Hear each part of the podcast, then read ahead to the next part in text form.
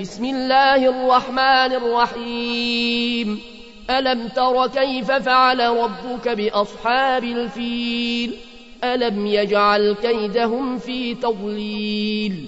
وأرسل عليهم طير نبابيل ترميهم بحجارة من سجيل فجعلهم كعصف ماكول.